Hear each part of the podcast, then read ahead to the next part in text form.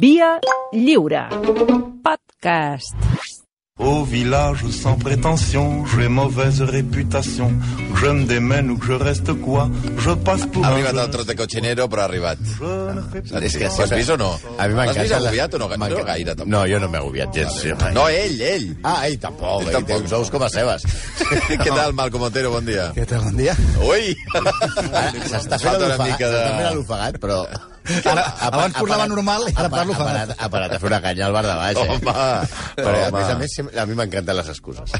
A veure, això, això li podries passat? preguntar després a, a, a, a Toni, al Toni Garcia. No, no, la veritat és que... No, ara, l'excusa és infame, perquè a mi m'ha dit...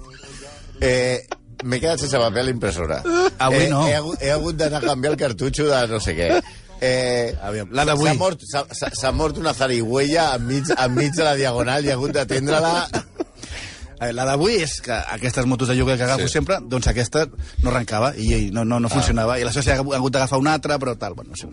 Vale. Bueno, eh, m'han dit que vas perdre... que viu a, a 3 minuts. sí. de- No, jo, jo que caminant de casa meva són 10 minuts i en moto 5. Però, però què dius? Però, però això és anti... anti... Eh, és una moto d'aquestes que no té emissions, Ah, vale. eh, d'elèctriques. No, té, no té electricitat ni funciona. No, no, no, no gasta, no fa res.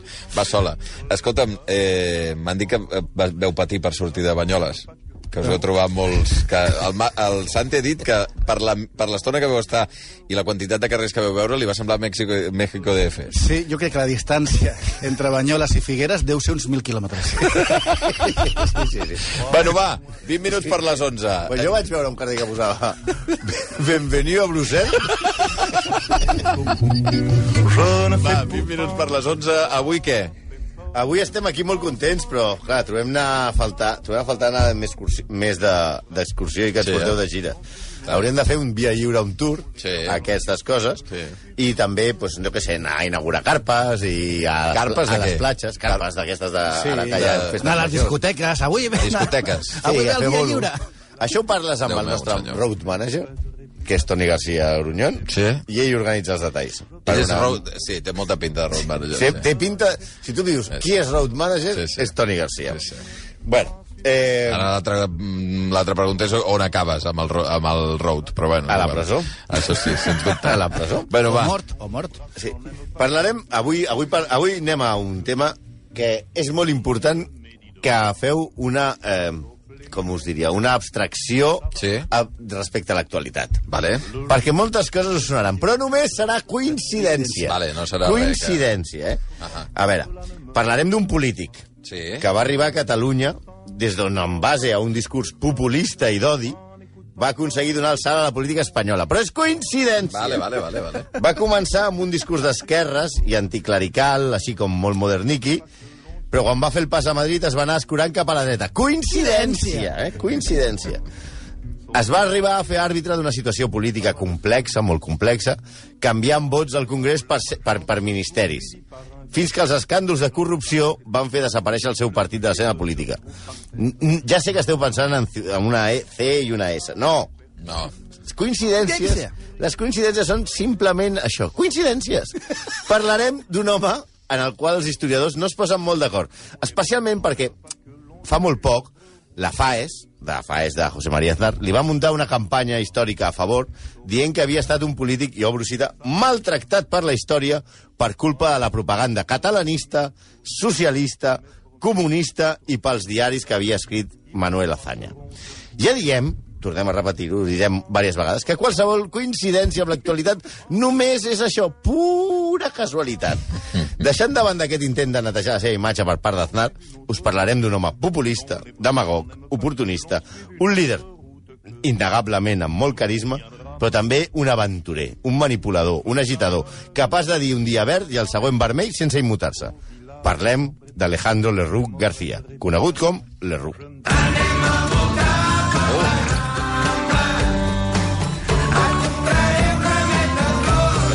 Portet, que no sé què té a veure No, és que res amb això. Banyoles ens ha canviat, Xavi. ha canviat. Banyoles ens ha canviat i ara posem música bona. Ho celebro, ho celebro, perquè Bueno, ja, aguantar espera. sis anys de música nauseabunda, doncs... és que... I, i, de, I demostra, ja canviarem, posem el Quimi Portet. Ja sé que pensareu que la cançó ve a, a torn perquè la relació de les Rux amb Barcelona, però no ens avancem. La posem perquè el nostre protagonista d'avui va néixer concretament a la Rambla. Ah, sí? Sí, però no la Rambla de Barcelona, sinó la Rambla Ah. província de Còrdoba. Ah, vale. Però ella la veritat és que va passar poc temps. La seva infantesa passa entre molts llocs del centre i el nord d'Espanya, on estava a càrrec de diversos parents. Era com aquests jugadors que són cedits d'equip en equip. Sí, ell va exercir, quan va tenir edat de treballar, diversos oficis. Bé, va vendre assegurances, va treballar a borsa, o el meu ofici favorit, que és meritorio subcontratado. què és a dir? Què collons és un meritorio No subcontratado? tinc ni la més remota idea. És a dir, que o no saps de què treballes o no ho vols dir. En tot cas, sembla una feina que podria dir podria fer Ariedo Braida. ¿Qué es usted? Meritorio subcontratado. O Kiko Matamoros, meritorio subcontratado. O Al Capone. Sí, perquè tu et preguntes, què és usted? Què fas? Meritorio subcontratado. Però quan es guanya la vida es fa una carrera com a periodista. Comença el diari El País, però, ojo, eh, no al diario independiente de la mañana, sinó a un altre país que, Que era, no por la tarde. que no por la tarde, no, que vull dir que ja sabeu que el país va néixer al, al final dels 70, Sí. és, és un altre país que era republicà i molt sensacional, sensacional, sensacionalista que dirigia el polític Ruiz Zorrilla.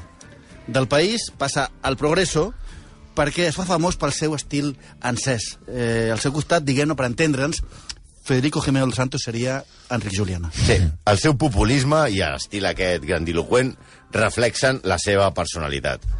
Al carrer, a la seva vida privada, també es fot constantment amb batusses i és detingut en moltes ocasions. I és que resulta que el nostre Alejandro era molt aficionat als duels. Ui. Per qualsevol cosa muntava un pollastre amb pistola, cosa Sí. que, òbviament, Clar, està... l'època, eh, la gent... Eh, Això és feia, finals del segle XIX. Feia duels d'aquests, no? Sí, encara hi M'has havia. emprenyat pel carrer... Sí, allò- Eh, m'has, eh, sí, no m'has... El passava al costat, m'has mirat, mirat mal... A señorita no se la molesta, eh, anem a- caballero, a yo fotre'ns estaba... fills. Caballero, yo estaba antes en la cola de la vacuna, que me pongan a mi la Pfizer. Exacte. Sí, no obstant, aquesta afició li donarà molts rèdits, perquè es veu que no se li donava gens malament. És a dir, si et, si Tirava et, bé. Si, et donen, si se't donen malament els duels, no S'acaben no, ràpid. Diguem-ne que no progresses, és com els tornejos de tennis. O sigui, Et foten fora. Et foten fora de seguida i ja cap allà. Però ho va utilitzar per progressar als diaris on treballava, perquè també era molt, molt acost... ell acostumava a desafiar a duel alguns dels companys o superiors del seu mateix diari. Però, escolta'm... És a dir, Però quina manera de comportar-se és aquesta? Imagina't- Una discussió amb el tio de feina i dic... Pues, Imagina't, imagina't la no? reunió, manera la de- reunió al diari El Progreso per discutir les vacances. Home, home... Es que a mí, Ella a l'agost. es que a mí me va bien el agosto. Hombre, a mí también porque he quedado con Purita para irnos a los baños de San Sebastián. Salimos aquí al patio. No, Lo- també- lo solucionamos. però És una manera d'ascendir perfecta. Sí, sí. Sí, es amb els jefes, discussió amb es els anava jefes. carregant els seus Sí, superiors favor. i en base a aquesta, a aquesta tàctica va acabar sent director dels diaris on treballava fins que va posar els seus ulls a Barcelona, on va arribar a fundar un nou diari i fonamentar la seva gran llegenda. Amb aquest sistema, García Gruñón seria William Randolph Hearst. estrella va llegar.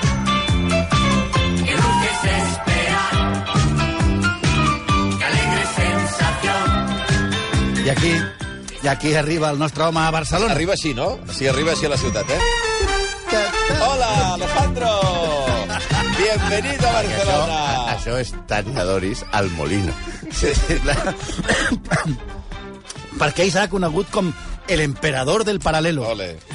Títol que, de fet, ja sabem... Li Calla un moment, vull sentir la música. Tira.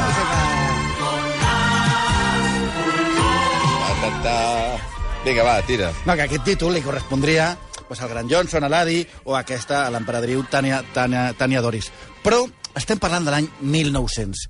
I a Barcelona és com es cou un ambient polític, diguem-ne, inflamable, però inflamable de veritat, no com, com aquests darrers anys. Entre el moviment anarcosindicalista obrer, els patrons que utilitzaven forces eh, parapolicials, els catalanistes, els burgesos i els militants. Un xup-xup del que Lerroux va treure, diguem-ne, molt profit. A Lerroux, fut, a, a Barcelona, Lerroux funda el diari El Progreso 2.0. És a dir, o sigui, el que tenia a Madrid, el funda aquí, i després funda un partit polític, el Partido Radical Republicano, que es caracteritza per postures exaltades i anticlericals primer, i després per postures molt anticatalanistes i que tenia una base ideològica, a veure, per dir-ho finament, molt volàtils. I aquí jo, capta a molts obrers vinguts de fora de Catalunya que estaven treballant en l'inici de la revolució industrial i amb la seva demagògia debilitava molt els anarcosindicalistes i els catalanistes que van veure com aquest sac de vots, que en principi serien de l'esquerra, se n'anaven se'ls enduia el populisme de l'Erru. Però ja us aviso, tot això és casualitat, Eh. no, no, no, no, no, no, Coincidència. Que no cal que feu paral·lelismes de res. No feu paral·lelismes. L'Errus funda el 1907 el que es va anomenar Cases del Pueblo, que eren centres republicans d'acollida a joves obrers o, en principi, en principi, se'ls ensenyava a llegir uh -huh. o s'organitzaven meriendes fraternales. El què? Meriendes fraternales. Meriendes fraternales? Sí. Bueno, els hi donaven allò, xocolata amb xurros. Xocolata, en xurros, melindros, i ja saps, no? Sí. Bueno, la... Do, do, do, dos cuartitos i venga, i pa fuera. Però què eren, en realitat? Eren un centre de reclutament de la seva força de xoc, el que ell anomenava mis jóvenes bàrbaros. Això, us recordeu de Hogar Social Madrid, no? Sí, Pues, home. Sí, però no feu paral·lelismes. No, no, això és coincidència. Vale, és coincidència. Tot això ho va fer amb el favoritisme del Ministeri de Governació, el que ja li anava bé tenia a Catalunya un mur de contenció contra el nacionalisme incipient. Per altra banda, aquestes actuacions de Reux fan molta gràcia a la premsa de Madrid, que el converteix en tot un personatge eh, popular. Avui sortiria cada dia amb Susana Griso o amb Ana Rosa Quintana, però repetim, Repetim. qualsevol semblança en la realitat és pura coincidència. No vol dir que, que, que alguns polítics hagin utilitzat... Que no, home, que no. té res a Avui seria, és que seríem malú. No, no, no. En aquella època, no només a les Roots, a la majoria de polítics se'ls escalfava la boca cosa mala. Sí, ja, perquè ens entengueu. Gabriel Rufián, que seria ara, diguem-ne, ah, com raja Rufián, eh, que és el més punyent. Eh? Bueno, ha tingut èpoques de tot, però sí, sí. Pues Rufián eh, no aguantaria una sala amb aquella gent com l'Erru que feien discursos com el que us llegiré ara. Discursos on, per exaltar a les masses anticlericals, arriba a demanar que es violin a les monges Què dius, home? i es profanin les esglésies. Atenció al discurs. Això és literal Literal el discurs de l'Erru. de l'error. Jóvenes bárbaros de hoy, entrad a saco en la civilización decadente y miserable de este país sin ventura. Destruid sus templos, acabad con sus dioses, alzad el velo a las novicias Sí. y elevadlas a la categoría de madres para civilizar la especie. Penetrad en los registros de la propiedad y haced hogueras con sus papeles para que el fuego purifique la infame organización social. Entrad en los hogares humildes y levantad legiones de proletarios para que el mundo tiemble ante sus jóvenes dispuestos. Seguid, seguid, no os detengáis ni ante los sepulcros ni ante los altares. Ja, és molt inquietant la música de fons mentre fas aquest discurs. Eh? Mira, El paral·lel. endavant. Després d'això, el paral·lel. Y los chistes de Paco Calonge. Però és una, és una animalada.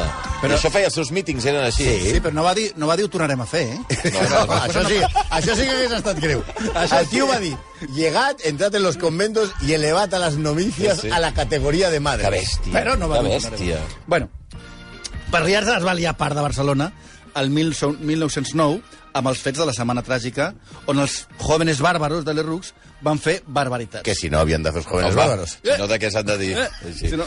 I Barcelona es va convertir en un camp de diguem un camp de batalla. Però no això de Via Laia tan un camp de batalla de veritat. De veritat, res de, de, de, de duquins, no, Sí, sí, sí. sí. ni contenidors. No. Un cop sufocada... bordins. I amb bordins, no, no. Aquí, aquí, aquí anaven amb, amb pistola. Ja, ja. Sí, un cop sufocada la revolta, l'Errux va escapar a l'Argentina per eludir les represàlies governamentals. Però no patiu, que va tornar de seguida. I quan ho va fer, ja no va ser a Barcelona. Va triomfar a la política madrilenya. I a lo grande.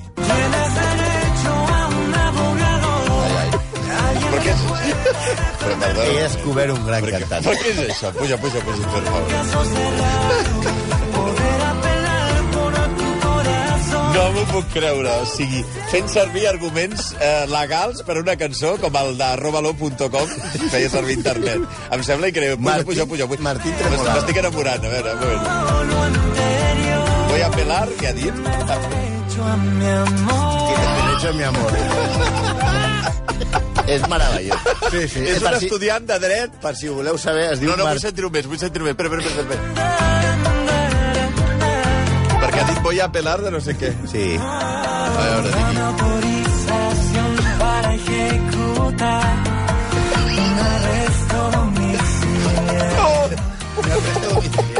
És espantós. Martín Tremolada, Martín- passeu aquesta cançó. Martí, que per peti favor, l'Spotify. Martín Tremolada. Martín? Tremolada. No sabem. No el conec. A veure, el vaig. Fins ahir tampoc. Hosti, em sembla increïble. Però bueno, va, em, va, em vaig fer molt fan d'ell. Uf. No, no, l'estimem. Estimem a Martín Tremolada. El volem entrevistar, La cançó es diu, com si no, El Abogado. El que home. tengo, El que tengo aquí colgado. Noi, per favor, home.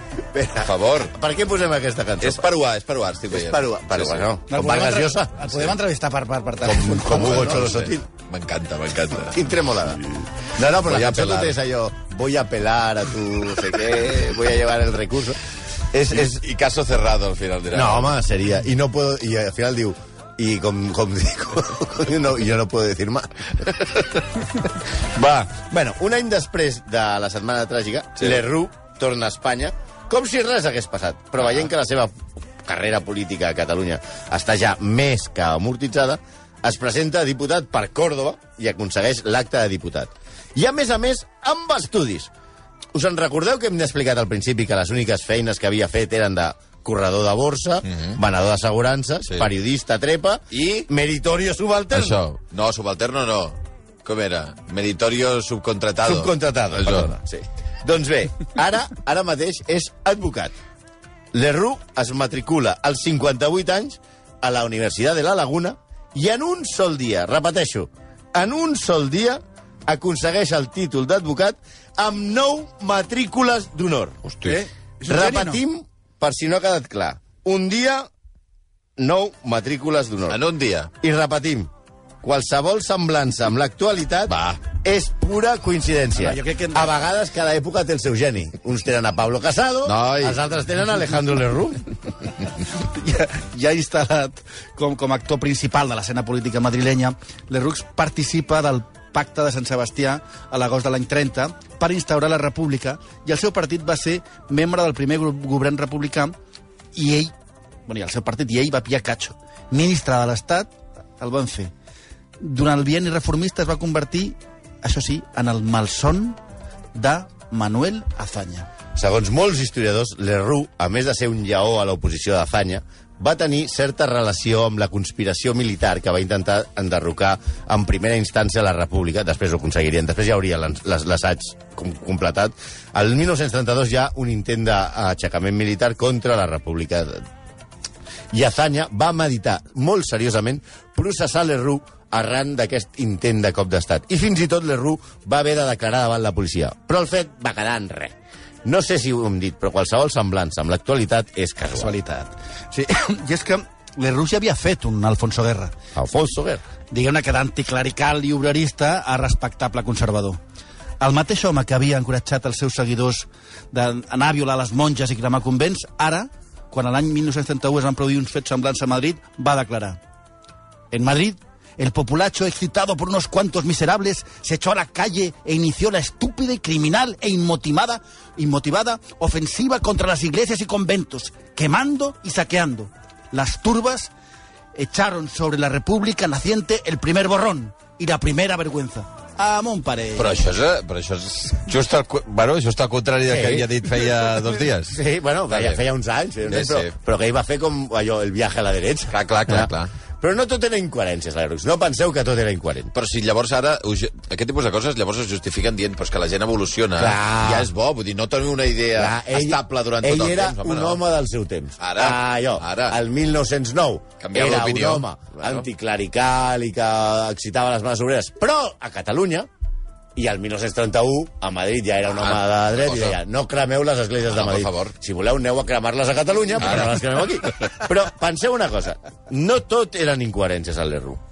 Hi ha una posició en la que seguia sent inamovible. Mireu, si no, aquest article que us llegiré ara, un, un extracte, que va escriure recordant l'assalt que els militars el 1905 van fer a la redacció del Cucut Home. i la veu de Catalunya perquè un acudit que havien publicat no els hi va fer gràcia. Escrivia anys després Lerroux des de Madrid. Los castellanos que formaban parte, la- que, fo- que formaban la tercera parte de esta población no se atrevían a hablar fuerte en las ramblas, porque la bestia separatista se mofaba cínicamente de su idioma. Vaya. Algún oficial del ejército fue corrido y apaleado en la vía pública. Más de algún oficial del ejército ha sido corrido en las ramblas. temps. La osadía Ay, separatista llegó hasta silbar la bandera militar, escoltada por su propio regimiento en plena vía pública. Perdióse Barcelona para la monarquía porque aquí no hay dinásticos puros, sino pancistas indecentes, pero la ganaron los republicanos para España. Así que no me digáis que condene la violencia iracunda con que los representantes del ejército vengaron a la patria en Barcelona. Y si yo hubiera estado en Barcelona la noche de autos, hubiéramos ido el pueblo y yo a quemar varios conventos, y ahí torna. Escolta, però per quina obsessió. y, y escuelas de separatismos, acompañado, si el pueblo me ayudaba, o solo, en mi casa, asomándome al balcón, y eso me encanta, para escupir en la cabeza de tanto imbécil, de tanto farsante y de tanto cobarde. Però hem passat de cremar a escopir des de la finestra. Em sembla un Molt- canvi també. però és la en el mateix eh? discurs. Molt poc higiene. Ya no es policía de balcón, es el guarro del balcón que tira un lapo a la gent. Però al cap, eh? Al cap. Al cap, ha d'anar. No, S'ha de dir que en aquell moment tothom portava barret en aquells dies. Ah, eh? bueno. Per això, perquè és per si trobaves a l'Erru. Es va posar de moda a T'ha cagat una paloma o t'ha escupido l'Erru? Bueno, en aquell moment... I aquest senyor que m'està atabalant ja. Mira'l, mira'l. No para. No para. Calli ja. Tremolada. Però quan dura aquesta cançó? 30 minuts, No no? sé, dura dues hores. No, en aquell moment, preguerra civil, l'Errus trenca amb els republicans progressistes i s'apropa a les posicions de dreta, de dreta de veritat, de la seda. No, no tenia, no, no se podia saber. I amb èxit. Entre l'any 33 i el 35 va ocupar tres cops la presidència del govern, a més de les carteres ministerials d'Estat, un altre cop, i de la guerra. Com a ministre, responsable de l'exèrcit, va promocionar militars de tendències dretanes i clarament antirepublicanes, que mira per on, dos anys després eh, serien els que se sublevarien contra la república ni- iniciant la guerra civil. En la seva lluita contra Zanya, fins i tot va inventar-se que havia intervingut un document segons els quals el president de la república havia donat suport a l'alçament dels miners d'Astúries de l'any 34 i això va fer aprofitant que Zanya estava a Barcelona per assistir a l'enterrament de Jaume Carné, que havia estat ministre d'Hisenda. Inventar-se notícies? No! Fer córrer informes falsos? Increïble. Ja hem dit que qualsevol similitud amb l'actualitat és tangencial.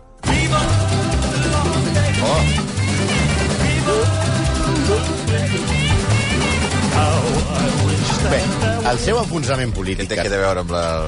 no arribaria per qüestions ideològiques, sinó de corrupció i pel burle. Ahà. amb un escàndol que va donar nom a una paraula, l'estraperlo.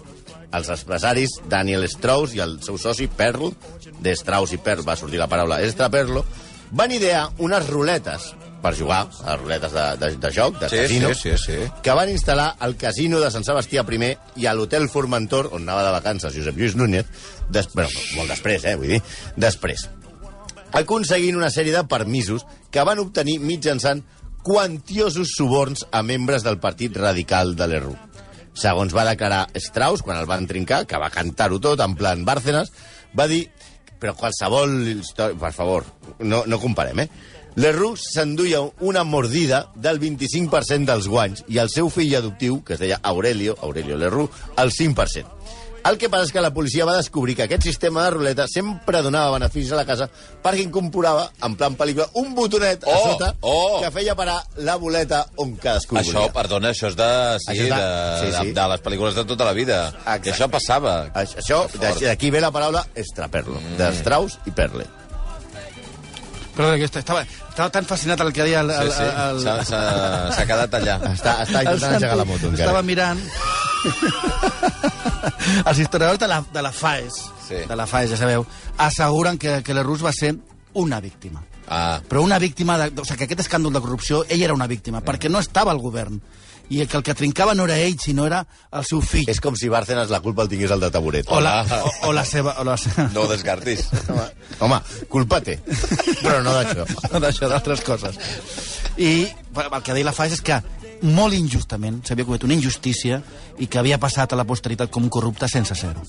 Això deia la FAES del PP, no diem res. Vés a saber. El cas és que la comissió investigadora de Niceto Alcalá Zamora va determinar que l'Errus havia comès actuacions que no s'ajustaven a l'austeritat i a l'ètica que suposa la gestió de negocis públics. Vaja. Vaja. Bueno, diguem-ne, vale, això, lo d'Strauss i Perle, ell no estava al govern, els hi va fer el, un suborn, no Sí. sé què, una ruleta mangonejada.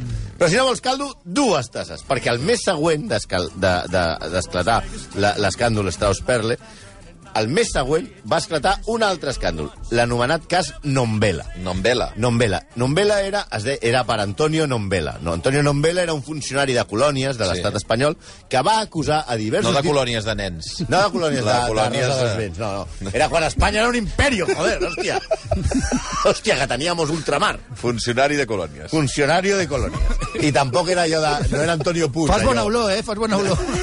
No, no era ni Rosa dels Vents ni, ni, ni, ni agua fresca de... De Roxas. De, eh, de Roxas. Colònies eh, a l'Àfrica.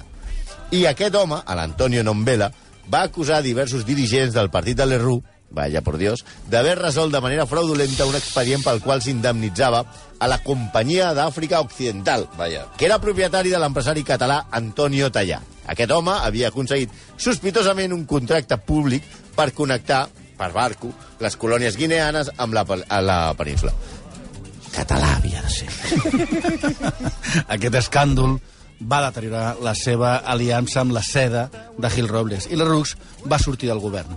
A les eleccions generals del, del 36, el Partit Radical Reformista va partir una sotregada escandalosa aconseguint només 5 diputats. Després, recordeu, després d'apropar-se a la dreta, eh, aquesta eh, sotregada. No va. Us hem dit que No qualsevol semblança No, la no. realitat és fruit de la vostra imaginació. Res, res. De fet, ni Lerroux va aconseguir acte de diputat. Sí. El 17 de juliol del 36, hores abans del cop d'estat de Franco, Lerroux estava de vacances a la seva finca a San Rafael, Segovia, on any després Jesús Gil muntaria Los Ángeles de San Rafael. Hombre. I veient el pollastre que es muntava, fot al camp corrents, cames, ajudeu-me a Portugal. En principi es va mantenir neutral, perquè, segons el relat dels historiadors de la FAE, és que eh, ella es pensava que era un cop d'estat per eh, canviar la república i no fer una dictadura. Ah. Vale, però es veu que no era així. Perquè el cert és que en el primer aniversari del glorioso alzamiento nacional va enviar un missatge, un telegrama d'adhesió al generalísimo Francisco Franco i Ell? Espanya. Sí, Vaya. des de Portugal. Vaya, sorpresa. Generalísimo, aquí estoy para lo que Sí, necesite. sí, clar, clar. Sí, ja, i acabada la guerra, torna, torna a Espanya i finalment mor a l'any mor a l'any 49 a Madrid. Després, això sí, d'haver regressat a la- a l'Església Catòlica. Ell, que havia demanat violar monges i cremar convents. Ah, sí? Òbviament, òbviament, ja ho hem dit moltes vegades, tota semblança a la No, realitat res, és res. pura coincidència. Res. Avui Alejandro Lerroux, que té bastant d'execrable, mm, poca cosa d'il·lustre. Home, però aquest tio a Barcelona Ah, sí? era, era... Aquest no, tio... com a pistoler... eh, Home, i segons la FAES és un sí. polític sí. injustamente maltratado por la historia. Això sí, és veritat. Està en discussió. culpa de Manuel Azaña, Exacte. que també va acabar bé, pobre home. Com a, com a paper a la història no acaba de- d'estar de, clar a quin cantó es troba Alejandro Lerroux, segons alguns. Les 11 i pràcticament 5 minuts, gràcies, execrables. Molt bé, gràcies. Bueno, a la sortida, o sigui, que la rotonda no comences a donar voltes, eh, Malcolm? Bien entendu,